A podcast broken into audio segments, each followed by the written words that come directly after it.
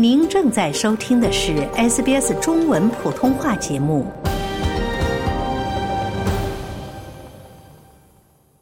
美国总统大选预计将于十一月五号举行。美国前总统特朗普在爱荷华州的共和党初选党团会议投票中大胜。这让他在二零二四年共和党初选中继续处于领先地位。那么，特朗普在这次美国总统大选中胜选的有利和不利因素各是什么？如果他当选，对于世界政治格局将产生怎样的影响？下面请听澳洲政治学学者刘敏然博士的分析。好，现在我们请来的嘉宾是新南威尔士大学国际政治学讲师刘敏然博士。刘博士，你好。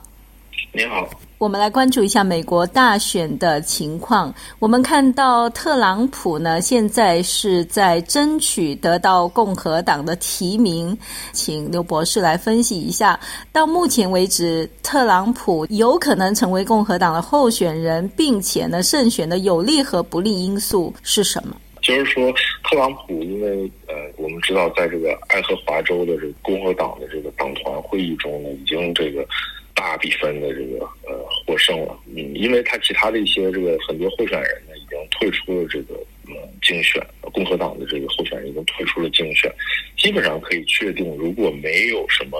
呃特殊的，比如说是身体呃的问题，呃，我觉得特朗普肯定会以极大的可能啊成为最后共和党的候选人，去跟民主党的候选人竞选。嗯，呃，我认为特朗普最大的优势呢，啊，当然还是在于他这个。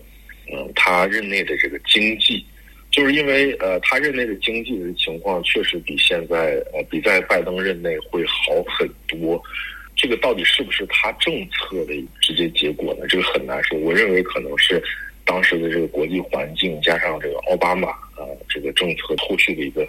一个结果吧。但不管怎么说，呃，当时这个经济比较好这件事儿呢，是算在他的头上的。当时的这个。油价也比较低，失业率也非常低啊！当时呢，人们就是这件事情呢，认为是特朗普任内一个做的非常呃好的一点。虽然我认为这个这不是他的这成果，但没办法，这就是政治。然后还有就是，我认为这个呃特朗普的这个另一个优点呢，就是说他就是这个从个个人的这个魅力上，我觉得确实是呃应该讲是强于很多其他的候选人，包括民主党的拜登。因为他这个永远出现在人面前的时候，都是一副这个活力十足的这种这种样子。然后呢，他永远都会侃侃而谈，把自己的这种呃政策、自己的这种呃这种想法，很用很直白的方式呢告诉他的选民。所以说，我觉得这一点呃也是他的一个一个优点吧。另一点呢，我认为是民主党政策呃现在也给了特朗普一定的优势。呃，最近的一个民主党政策呢，就包括巴以冲突这件事情，让很多年轻人，包括这些非右翼的中左的这些选民，对民主党非常失望，因为在传统意义上来讲呢，民主党当然更支持这种所谓的国际主义，更支持这种所谓所谓的这个自由民主的这个世界秩序，啊，跟这种特朗普的这种支持者的这种。比较呃，相对比较这个呃狭隘的这种民族主义是形成鲜明对比，但是在这个之前，就二零二零年当时这个选举中呢，当时呃民主党的候选人，当时特朗普就在这个同一年龄组中呢，大大落后于呃当时民主党的候选人，可以体现出啊这帮呃这些选民还是非常支持民主党，但是在目前的这个呃民主党政策之下来看啊。很多年轻人啊，包括这些工作的这些选民呢，对呃民主党的这个看法还是很多的。所以说，我觉得这个也是特朗普的一个呃有利的一个条件吧。嗯，如果说提到什么不利的一个一个事情呢，就当然就是他的这个年龄和很多这个围绕他所产生这些争议和这些案例吧。我觉得这些事情肯定是会给他带来一些可能在一定程度上会给他带来一些不利的一种因素。当然了，好的一点就是他的这个竞选竞选他的这个对手拜登跟他年龄相仿。另一点就是特朗普特别擅长把这些对于他的这种不利的言论描述成迫害。或者说描述成一种政治的这种这种操作啊，这种在很大程度上可能反而会有利于他的竞选啊，让他的这个支持者呢支持他更更加义无反顾。我觉得目前来看，特朗普有非常呃好的这个机会成为下一届的美国总统，甚至当然不是说他肯定稳了，当然说我认为他机会是是确实很大的。那特朗普再次上台之后，对于美国和对于世界的政治格局意味着什么呢？我认为特朗普上台之后，他肯定是会继续他的这种，呃，比较这个保守的反建制化的这种这种政策啊，包括可能会呃进一步的把退出一些呃国际组织、一些一些国际的这种机构啊，包括可能会进一步限制呃穆斯林。呃，进一步进一步限制穆斯林入境美国，进一步呃，对于这种呃非呃白人的这种限制，一些种族主义的一些东西，包括他在这个经济上可能会进一步的实行他的这种经济保护主义，等等等等，比较保守的一个政策。我觉得这在可以预见的未来，这些呃都是可以能能够看到的。当然，在短时间来看呢，肯定会突然之间让他，尤其让他的支持者感受到这个呃各种政策为之一振啊，各种情况为之改变。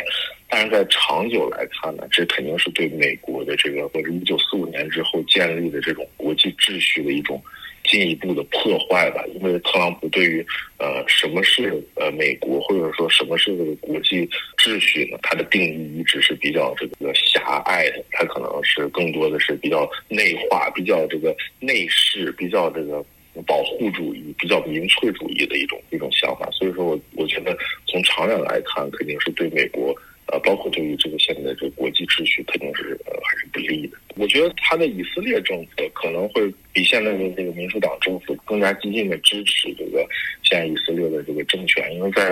特朗普以往的政策来看的话，他对于这件事情是比较看重的。包括当年他宣布把美国的这个大使馆从呃特拉维夫迁到这个耶路撒冷，这是具有一个特别大的象征意义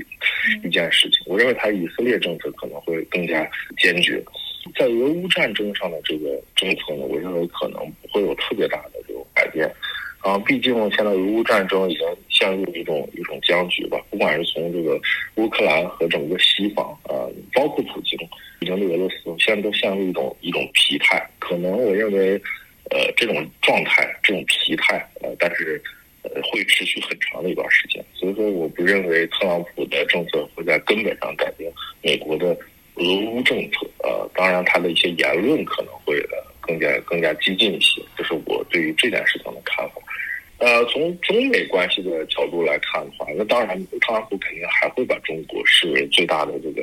呃竞争者啊。当然，对于很多学者来说，呃，美国的学者来说，这也是一个正确的一个选择，因为中国作为现在最大的这个呃崛起国呢，啊，在美国这个美国霸权最大的一个一个挑战者。特朗普在上一上一个任内呢，其实已经展现了他对这件事情的理解，所以说，我认为他对于中国的这个呃政策可能会呃呃趋于更加保守，然后在一些现在可能在合作的一些领域呢，可能会呃也许会有进一步的限制啊，但具体到时候会有什么政策出台呢？啊，现在还很难说。如何看待美国民主制度中？的这种特朗普屡上法庭，但是依然可以竞选总统这种辩证关系呢？呃我我觉得是这样的，因为民主制到底是什么，这个东西本来呃就没有定论。然后美国呢，作为现代民主制的一个一个重要的一个起源啊，因为虽然我们知道民主制起。大家都认为它起源于希腊，但是现代民主制其实就是在美国呃声名发芽，它可以说走的比较比较走在前面啊。当然，我认为美国这个民主制肯定是特朗普现在能在这种各种诉讼之下呃不倒的一个一个很重要的原因呃，就包括一个最简单的一点就是，美国的总统，美国的民主是总统制啊，他只要被选到选成总统之后，除非被。